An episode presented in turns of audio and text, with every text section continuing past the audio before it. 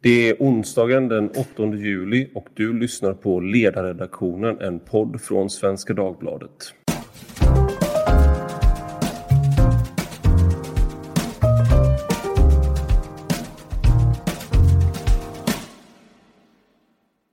Jag heter Ivar Arpi och idag ska vi prata om de havererade migrationssamtalen mellan Socialdemokraterna och Moderaterna. Vems fel var det och kommer den migrationskommittén som nu sitter att komma fram till någonting som eh, leder till en striktare invandring till Sverige? Eller en långsiktigt hållbar migrationspolitik som uppdraget såg ut. Eh, och med mig för att prata om det har jag Daniel Färm som är på Tankesmedjan Tiden. Du är chef där. Välkommen. Ja, tack. Och Hanif Bali som är riksdagsledamot för Moderaterna och twittrare. Välkommen. Tack. Eh, jag tänkte vi kunde börja bara med eh, Daniel, ni på Tiden skrev häromdagen, nu är det en vecka sedan, en, eh, en rapport som handlade om migration. Eh, ordning och reda i vandringstid. Och det är intressant eftersom ni är en socialdemokratisk tankesmedja. Men jag uppfattar, alltså ni på Tiden överlag har ju haft en, eh, vad ska man säga, Vissa kallar det betongsossar, vissa kallar det gråsossar eller något sånt. Men jag har haft en eh, eh, striktare hållning i migrationspolitiken än vad som har vi som har följt med i politiken de senaste ja, kanske 20, 15 åren har varit vana vid. Eh, men kan, skulle du kunna bara fort rekapitulera vad du, vad ni kom fram till att ni ville se för migrationspolitik i den här rapporten?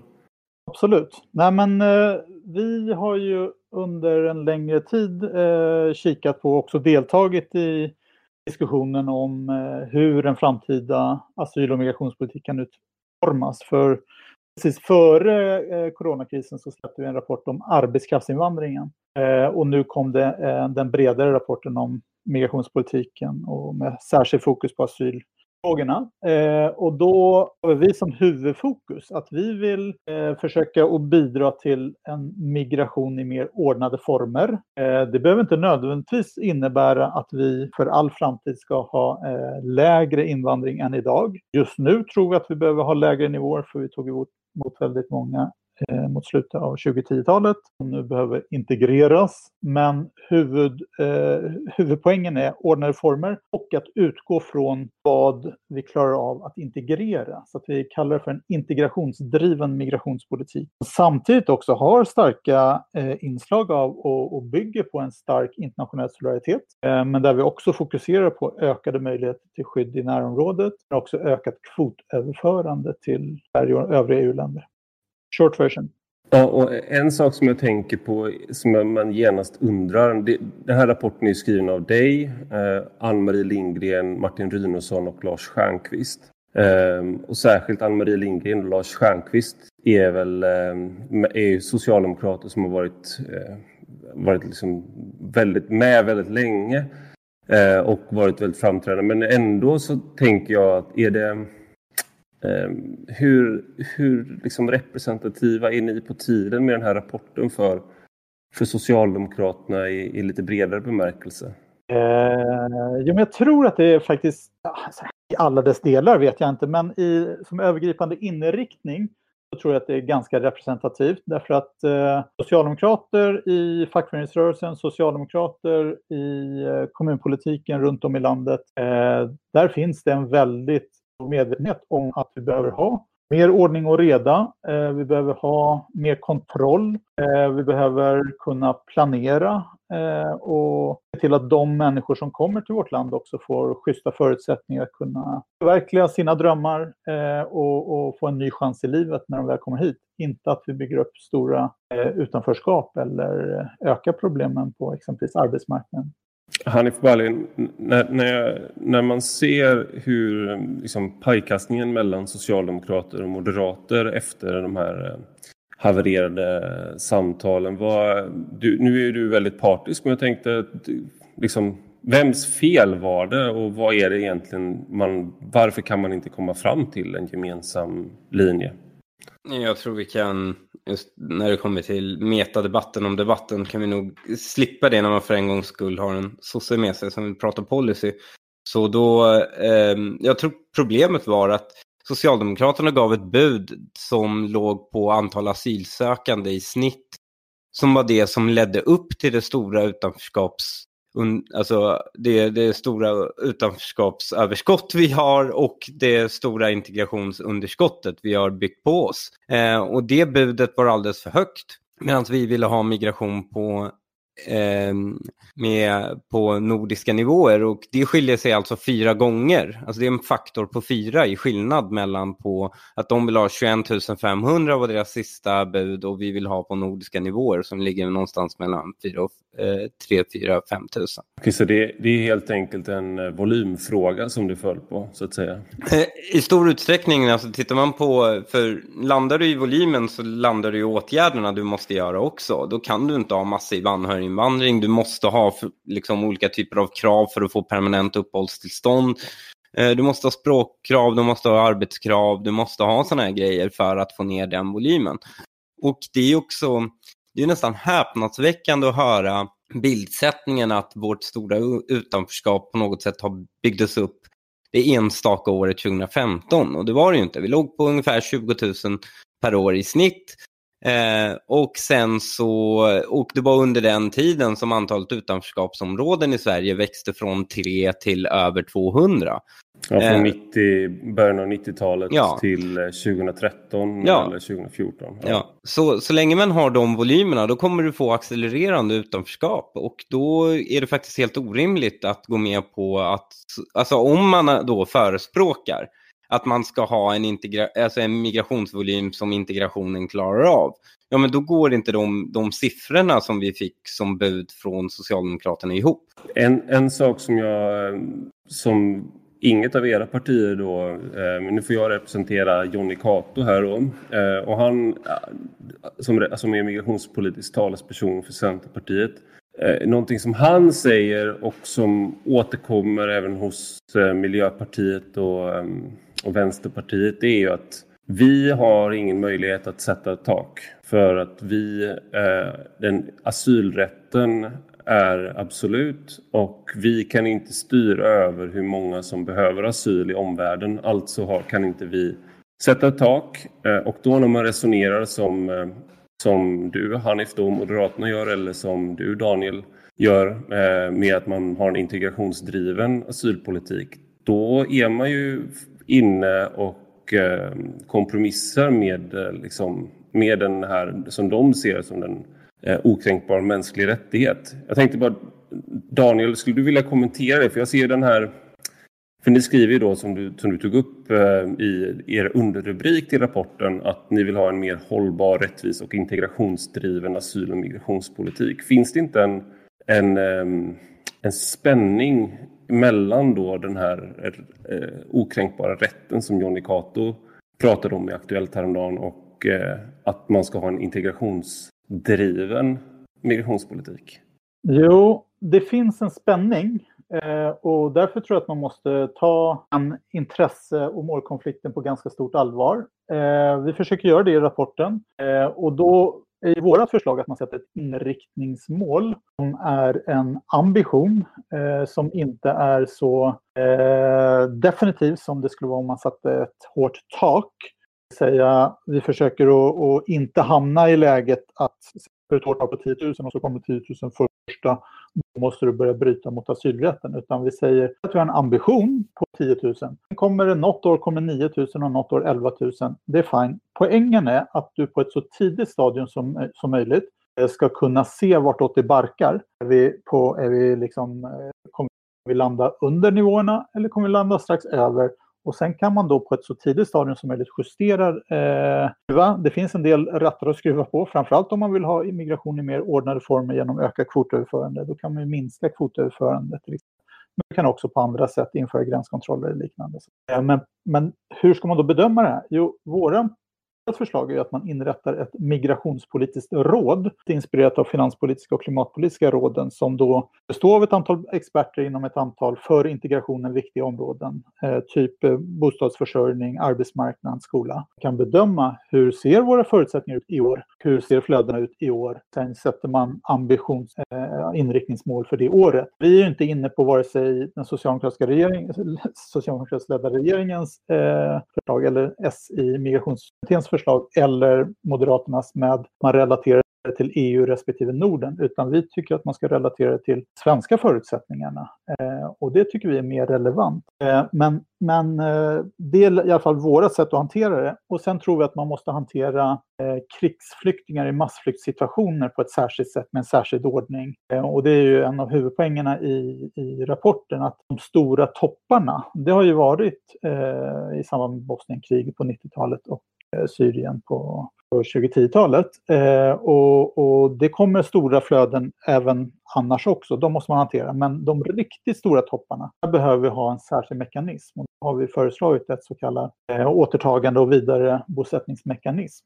Man växlar. Eh, vi, om det kommer någon från ett eh, område och söker inne i, i EU-länderna. Då ska vi försöka tydliggöra att egentligen så ska man söka eller ha och få skyddet i närområdet. Men söker man in i länderna då föreslår vi att, man ska, Eh, att EU ska teckna återtagandeavtal med eh, grannländer så att personer som söker här, deras skyddsbehov ska erkännas. De har skyddsbehov, men det ska tillgodoses i närområdet. I gengäld så ska då Sverige ta emot en annan skyddssökande från, eh, från det grannlandet. Samma logik som ligger bakom eh, den, eh, det avtal som EU har slutit med Turkiet. I övrigt kanske lämnar en del övrigt att önska, men just den logiken tycker vi var intressant.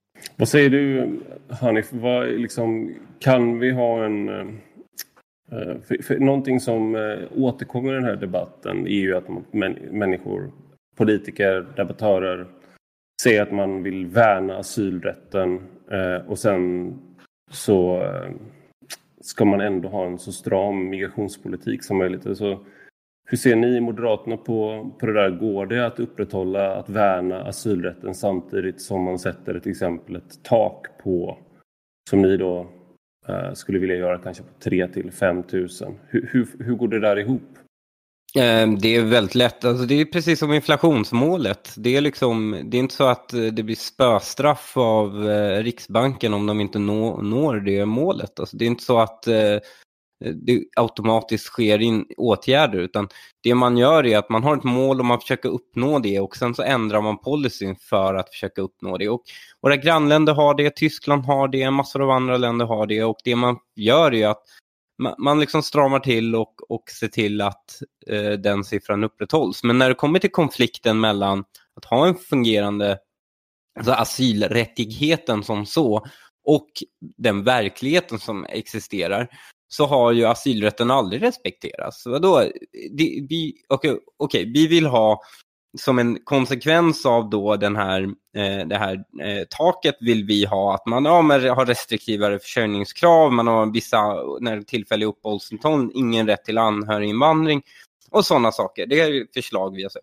Men det är ju ingenting jämfört med den regel som alla andra länder har och Sverige alltid haft och ingen har någonsin haft planer att ändra på, nämligen att folk måste betala smugglare, riskera dö på Medelhavet för att få komma hit eh, och söka asyl. Den konstruktionen i sig går inte att kombinera med retoriken av att vi ska värna asylrätten. Det är självmotsägelse. Du måste riskera livet och dö. En sannolikheten för dig att dö är ju nästan högre när du korsar Medelhavet än om du stannar i en krigszon. Och då kommer vi begrunda om det var asylrätt eller inte. Alltså det, det, det säger emot sig själv. Det finns ingen logik i den formen av resonerande. Det är magiskt önskande, det är dygdsignalering, det är ett sätt att klappa sig själv om ryggen och tycka att man är human genom att ignorera verkligheten. Men varför ska vi då hålla på med den här, om det nu är så, varför ska vi hålla på med en charad om att vi respekterar asylrätten? Ja, men det jag håller med, jag tycker inte att, alltså den asylrätt vi pratar om idag, den är, eh, folk brukar prata om att det kom från 1951 års asylkonvention, alltså flyktingkonvention, och det gör det inte. Alltså den asylrätt vi pratar om idag, det kommer från New York-protokollet 1967. Eh, och det för att flyktingkonventionen från början var en tillfällig amnesti för vissa grupper inom som hade hamnat på flykt in, på grund av kriget i Europa sex år efter att kriget hade avslutats. Som gällde också enbart de som, som hade hamnat på flykt före 1945. Jag menar, i den märkelsen så, det, det var ju 1967 i New York-protokollet som man, som man tog till den här regeln om att det så här ska gälla runt hela världen och det ska vara en rättighet. Och men jag kan förstå dem. 1967 var världen nedstängd. Liksom. Du, hade, du hade en järnmur som gick igenom hela, mellan den fattiga delen av världen och den rika delen av världen. Jag men, då är det mycket lätt att skriva sådana här glada fantasier i FN-byggnader. Men idag vet vi att det inte funkar och det intressanta är det, det här, de här dokumenten som är då liksom, ja, några byråkrater och diplomater har slängt ihop i FN, de betraktas ju som Moses stentavlor från Gud själv. Men det finns redan, så i artikel 9 i New York-protokollet så står det ju att ja, men den, det, den som vill lämna det här protokollet kan notifiera generalsekreteraren och sen så eh, har man ett år på sig så kan man lämna det här. Det är, ingen, det är ingen absolut rättighet som man absolut måste vara med i. Det är, liksom, det är ett politiskt konstruerat dokument för sin tid och någonting vi, vi kan ändra på idag. Så jag håller med om att man borde definitivt lämna flyktingkonventionen som konstruktion och därutöver så kommer ju om det här förslaget som till exempel finns från tiden att folk blir automatiskt utvisade till närområdet eh, om de kommer hit och söker asyl. Ja, men då kommer ju ingen komma hit och söka asyl. Den enda orsaken folk kommer hit och söker asyl är för att de har en viss sannolikhet att få det. Och jag menar, slutar vi göra det, då kommer folk inte dyka upp. Och det är precis som massor av länder som inte ger eh, inte ger asyl, ja men folk dyker inte upp där. Eh, och så länge vi upprätthåller den här charaden, ja men då lockar vi människor att komma hit. Vad säger du Daniel om, eh, om det här med Ja men, eh, ja, men både och. Så här, eh, jag håller med om att jag tycker att det är ett hyckleri att vi, Sverige och övriga EU-länder idag säger sig stå upp för asylrätten vidtar omfattande åtgärder för att få som möjligt ska verkligen kunna nyttja den. Eh, och precis som han säger så leder ju det till att människor eh, anlitar eh, människosmugglare och riskerar livet på Medelhavet och i, i lastbilar som glöms och stängs av och de krävs ihjäl. Alltså det är fruktansvärda berättelser som har kommit under de här åren. Mm. Det måste vi komma bort från och då tror jag att vi samtidigt måste knyta an till eh, asylrättens grundprinciper och de tycker jag är viktiga. Flyr man från ett land på grund av förföljelse, på grund av risk för tortyr eller dödsstraff som är konventionsstatus eller för den delen om man fly från ett land där det är totalt krig, där civilbefolkningen drabbas så hårt för att, ja, som var i Syrien eller, eller Bosnien innan, så att man måste fly.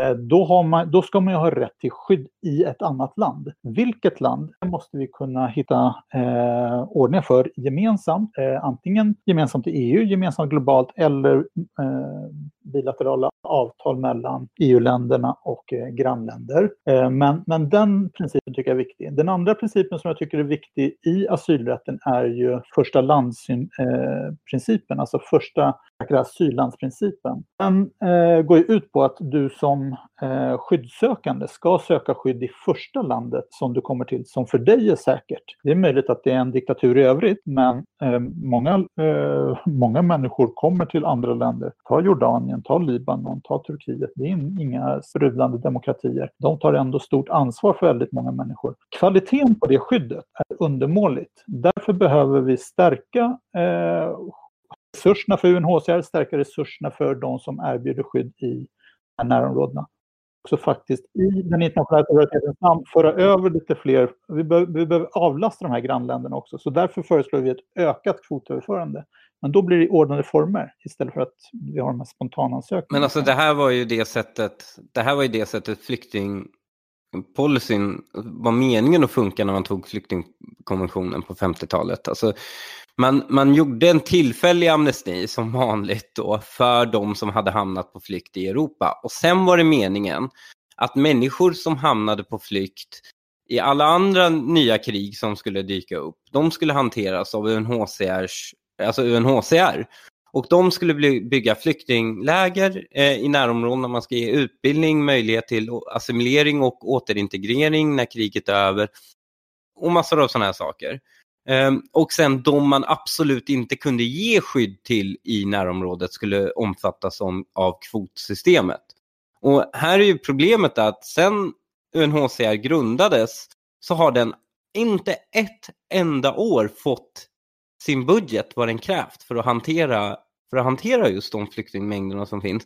Samtidigt som massor av rika europeiska länder har pumpat ut tiofaldigt mer genom att dela ut asyl till människor som spontant dyker upp här med hjälp av flyktingsmugglare.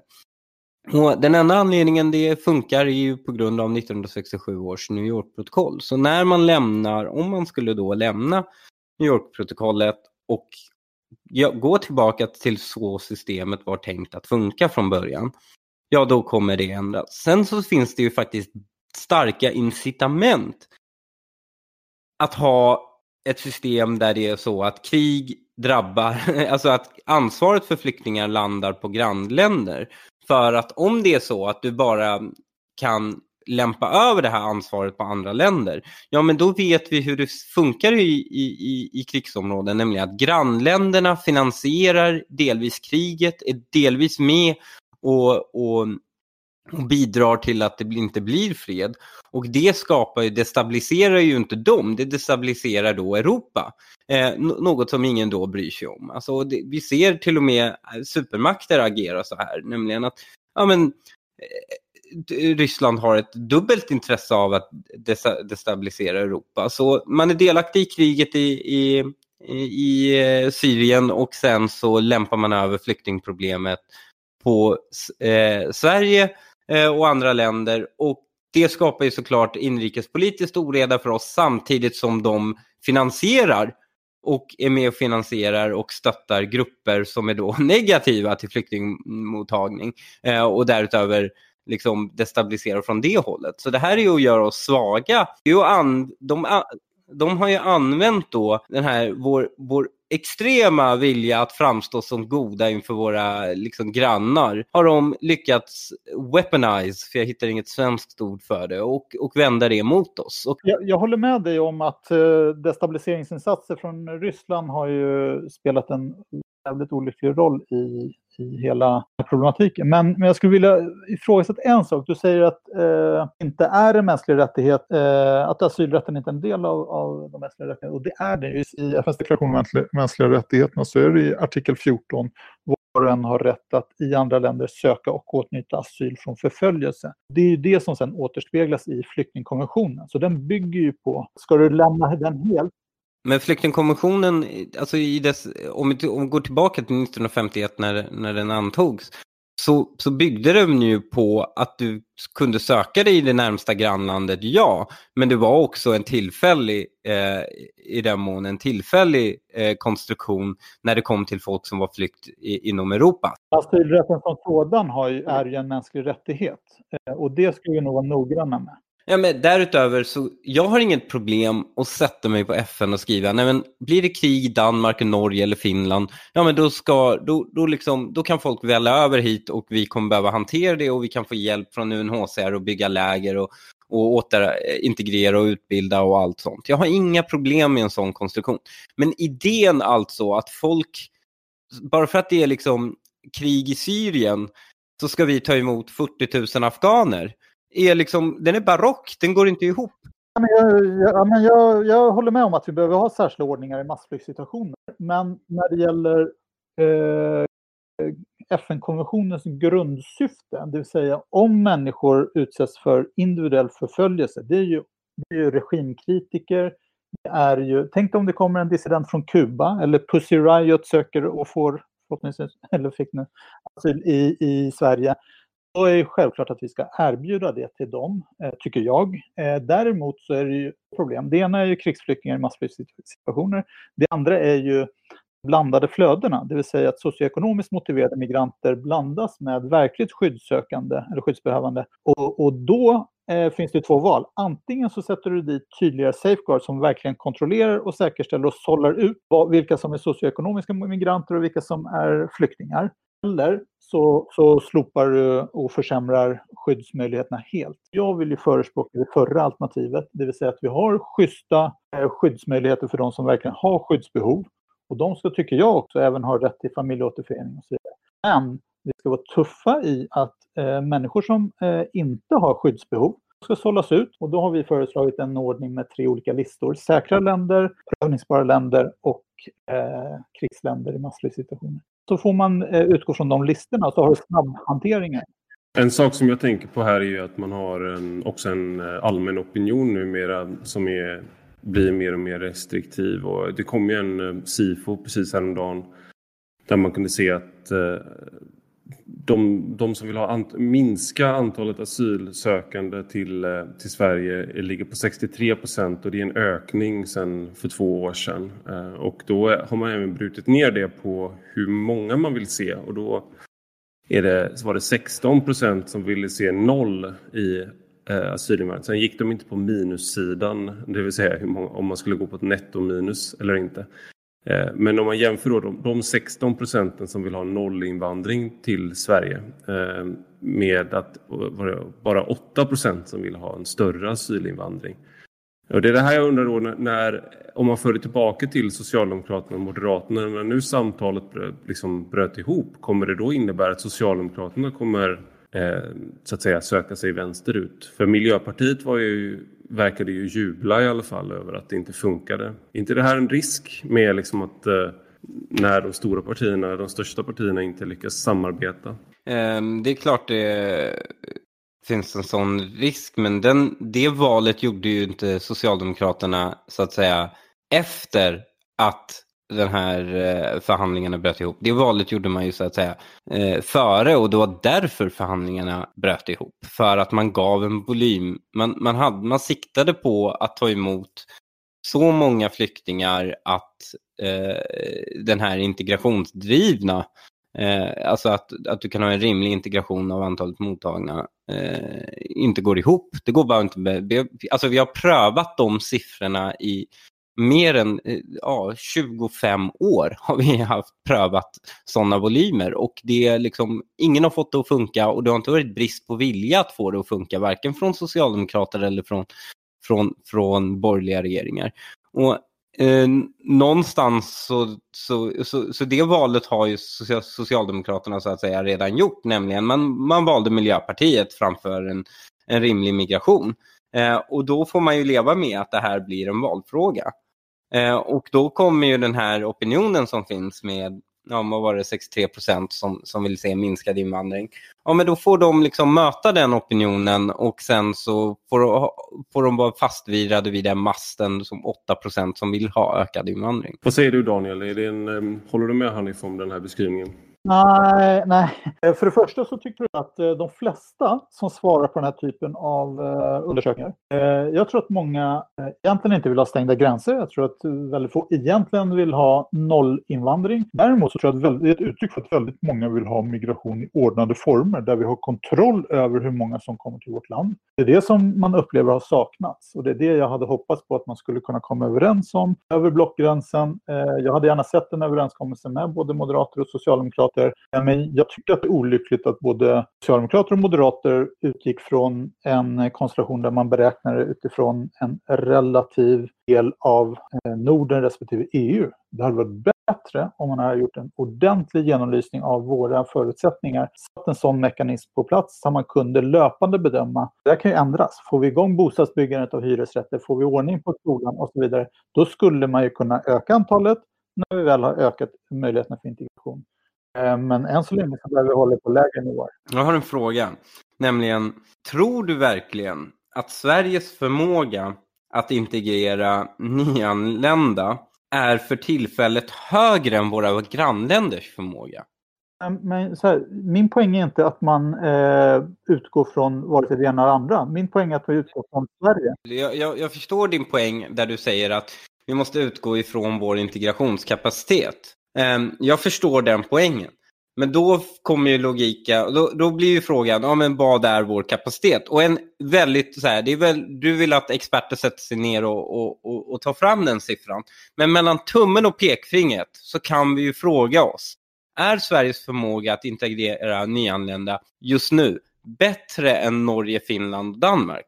Jag är inte säker på att de har satt sin siffra bara utifrån deras egna integrationsförutsättningar. Ja, men vi, vi, absolut, men vi kan fråga oss den frågan. Och sen så om man landar i att om man landar i svaret att nej, Sverige har inte bättre förutsättningar eh, än dem, eh, då, då är det ju konstigt att landa i en siffra som är fyra gånger högre än det. Ja, om du utgår från att deras siffra är satt bara utifrån deras förutsättningar. De kan ju sätta sin siffra också utifrån andra politiskt mer motiverade eh, Eh, bedömningar, det vill säga man har med eh, främlingsfientliga partier i sina, eh, har haft tidigare i sina regeringar och eller blinkar mot den opinionen.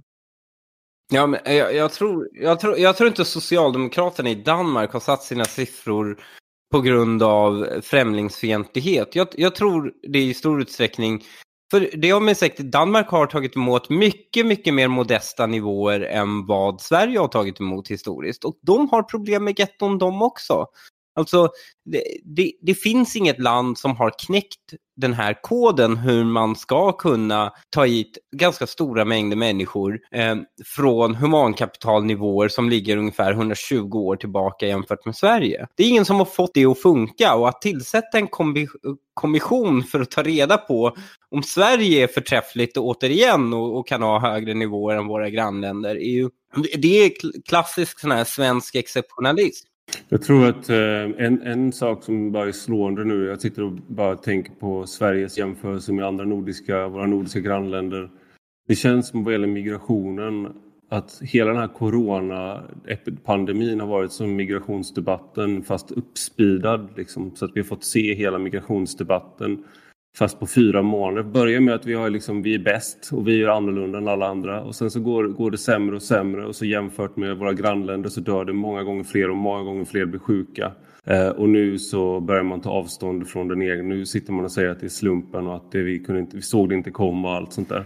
Eh, Ja, och sen också eh, land, och sen till slut landa i att vi kan inte jämföra oss med våra grannländer. Ja, alltså, eh, det, det, är ju liksom en, en, en full circle här. Alltså, det, det, det är klart vi kan jämföra oss med våra grannländer. Våra grannländer har långt färre segregationsproblem än vad vi har.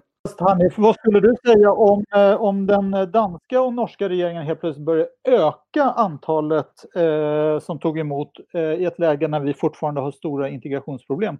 Anser du att vi skulle öka? Eller kan vi utgå från våra svenska förutsättningar? Inte det fast, bättre? Fast vi hade ju inte ett relativt... Våra, våra, vårat mål var ju, vi tittar på våra grannländer, hur många har de, tar de emot? Och, och, och, och sen sa vi, landade vi i siffran, men motsvarigheten för Sverige vore de här den här siffran. Och sen gav vi det som bud. Sen skulle inte den automatiskt justeras med våra grannländer. Det fanns, det fanns inte på kartan. Utan den, den, den siffran sätts ju av svenska politiker. Om de börjar öka sin så finns det ju inget som säger att vi ska följa efter.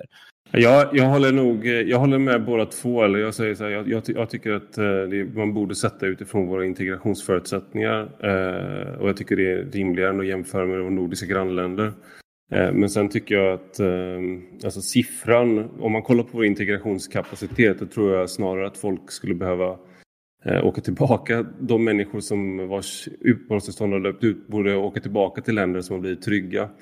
Vi har för lång tid framöver intecknat liksom vår, eh, vår så att säga, del i det här och jag tror inte vi under en överskådlig framtid egentligen kan ha en eh, har någon större invandring att tala om. Eh, och det, det, det, det, det tror jag är liksom eh, ett, bekym ett bekymmer i den här. Och jag tycker det är så det är lite, någonstans blir man lite bitter över att den här typen av diskussioner som vi har just nu eh, även om vi grälar om lite nu om, om man ska, var, var, hur man ska relatera målet till andra nordiska grannländer eller till svensk eh, integrationskapacitet. Men den här diskussionen borde vi ha haft löpande i 20 år och den kommer nu. Det är bättre än inte alls. Men det är väldigt sorgligt att den inte har liksom, eh, att man, att man för de här diskussionerna först, eh, först nu. Jag menar, eh, tittar man på an, antal, alltså det, det segregationsöverskott alltså vi har så, så är det alldeles uppenbart att, att det är klart att det är inget, fler invandrare kommer inte, kommer inte hjälpa den här situationen. Sen så kommer man ju, sen, så en, en fråga jag tycker glöms bort är att vi införde tillfälliga uppehållstillstånd för de som var eh, alternativt skyddsförklarade, alltså främst de som kom från Syrien och så vidare. Och de här tillfälliga uppehållstillstånden kommer snart löpa ut. Och sen kommer kriget i Syrien och gått in i en helt annan fas där det inte alls är krig i hela landet. Då pratar vi om ut, alltså att ungefär runt ja, men eh, 40 000 människor minst ska utvisas. Um, och det finns noll noll beredskap för den situationen i Sverige och Migrationsverket bara skjuter på det här beslutet senare och senare. Vi pratar om en, en, en, liksom en, en repatrieringsvolym som Sverige aldrig någonsin har varit med om. Och det finns inte ens en närheten av indikation och beredskap i det politiska systemet för att hantera att, att plötsligt över en natt kommer liksom, tiotusentals människor bli av med sitt uppehållstillstånd och är meningen att de ska återvända. Och man har inte byggt upp alls system för återvändande, man har inte alls, alls byggt upp den volymen som krävs för tvångsavvisningar och utvisningar. Eh, allt det liksom, eh, har politiken bara skjutit framför sig och bara ignorerar att det här faktumet kommer komma. Eh, så det där är ju, jag vill bara haka, haka på där. Jag tycker att det där är ett eh, bekymmer. Eh, för det första, de människorna som vars uppehållstillstånd löper ut, de ska ju återvända. Det är jätteviktigt och tydligt. Annars har vi ingen eh, reglerad invandring och därför är jag väldigt kritisk till amnestier och liknande eller spårbyten och sånt där. utan ja ska vara ja och ett nej ska vara nej. Men ett bekymmer som du sätter fingret på där, Hanif, det är ju tillfälliga uppehållstillstånd. Eh, det, är ju, det föreslår vi också. Om det är så här att skyddsbehovet är tillfälligt så är det bättre att man har ett tillfälligt uppehållstillstånd och sen kan människor återvända till sina hemländer, vilket de ofta vill. Eh, eh, hellre det än att hålla, liksom, eh, hålla nere antalet som man kan ta emot. Men är skyddsbehoven längre, som princip, ser jag då att eh, man ska ha hellre permanent uppehållstillstånd. Då får du en bättre integrationsförutsättning. Det bygger på, bara säga, bara säga, det bygger på att man har fått till kontrollen och ordning och reda, att migrationen sker i ordnade former. Det funkar inte om man har eh, ens, alltså Sverige ensam skulle ha det och resten av EU-länderna inte har det och hamnar i en liknande situation som 2014-15. Eh, men däremot så tror jag att vi också framöver kommer behöva ha och vilja ha en invandring till Sverige. Eh, vi klarar inte av att stänga dörrarna, vi klarar inte av att minska eh, eh, det heller, utan vi kommer behöva också av demografiska skäl. Men vi ska göra det på ett ordnat sätt och vi ska göra det på ett sätt som, eh, där vi ger de människorna som kommer hit schyssta förutsättningar att komma in. Därför är integrationsförutsättningar så viktiga. För det första, det finns inget självmotsägelse med att om du får ett tillfälligt uppehållstillstånd och om du kvalificerar in dig genom att lära dig svenska, att skaffa ett jobb, betala skatt. Om du där, därefter kvalificerar, hinner kvalificera in dig och, och, och och därmed får starka incitament också att klass, klass, eh, klassificera in dig liksom i, i, god tid, ja men då är det ju då är, finns det inget hinder att ha temporära uppehållstillstånd som kan bli konverteras till permanenta om du, om du visar att du klarar av att integrera dig. Men därutöver, när vi pratar om, liksom, om, om vi ska ha att vi behöver ha någon form av nettoinvandring för att klara demografin. Ja, men då kan jag inte tänka mig en sämre metod att plocka hit folk som är asylmigranter. Alltså det finns massor av människor där ute i världen som, ge, som har goda utbildningsvillkor, kommer från ganska liberala urbana miljöer som är mycket mer lättintegrerade om vi vill liksom av demografiska skäl plocka hit folk. Ja men då kan vi gå ut och plocka dem. Men så här, jag tror att man måste inse att eh, är lätt att tänka sig att det bara är tre olika follor. Det är arbetskraft, det är eh, asyl och så är det anhörig. Alla de här människorna, oavsett vilket skäl du kommer hit, ja, ska in på arbetsmarknaden eller in i skolväsendet om du är barn. Eh, vi måste se till att alla får så bra förutsättningar som möjligt att komma in här. Eh, arbetskraftsinvandring, är okej okay till yrken där det är brist och, och, kanske lite mer kvalificerade yrken. Inte in i LO-yrkena där det finns, så länge som det finns väldigt många arbetssökande, utlandsfödda och andra i Sverige. Då behöver de jobben gå dit först. Men långsiktigt så är det ju så här att vi kommer antagligen se ett stort behov av arbetskraft i, inom vården och, och välfärdsyrkena. Då måste vi ändå se till att vi, eh, även de som kommer hit av asylskäl eller av anhörigskäl, kan arbetsmarknaden ges bra förutsättningar till att vidareutbilda sig och komma in. Och, och de yrkena. Alltså idag är det ju väldigt hög utsträckning utlandsfödda och, och svenskar med utländsk bakgrund som bär upp äldreomsorgen till exempel. Eh, och det är ju otroligt viktigt då att de får bra förutsättningar, goda villkor men också goda möjligheter att kunna kommunicera med de, de äldre, till exempel genom då språkkrav inom äldreomsorgen tycker jag vore bra. Den här typen av diskussioner kring hur man kan se på en helhet kring de olika typerna av invandring och våra behov på arbetsmarknaden. Eh, de, de saknar jag i alldeles för hög utsträckning i, i migrations och integrationspolitiken. Stort tack till eh, Daniel Färm och Hanif Bali för att ni var med i podden idag. Tack så mycket. Själv. Tack. Och stort tack till dig som har lyssnat. Eh, och om ni har några synpunkter eller frågor får ni gärna mejla oss på ledarsidan svd.se. Tack för idag. Hej!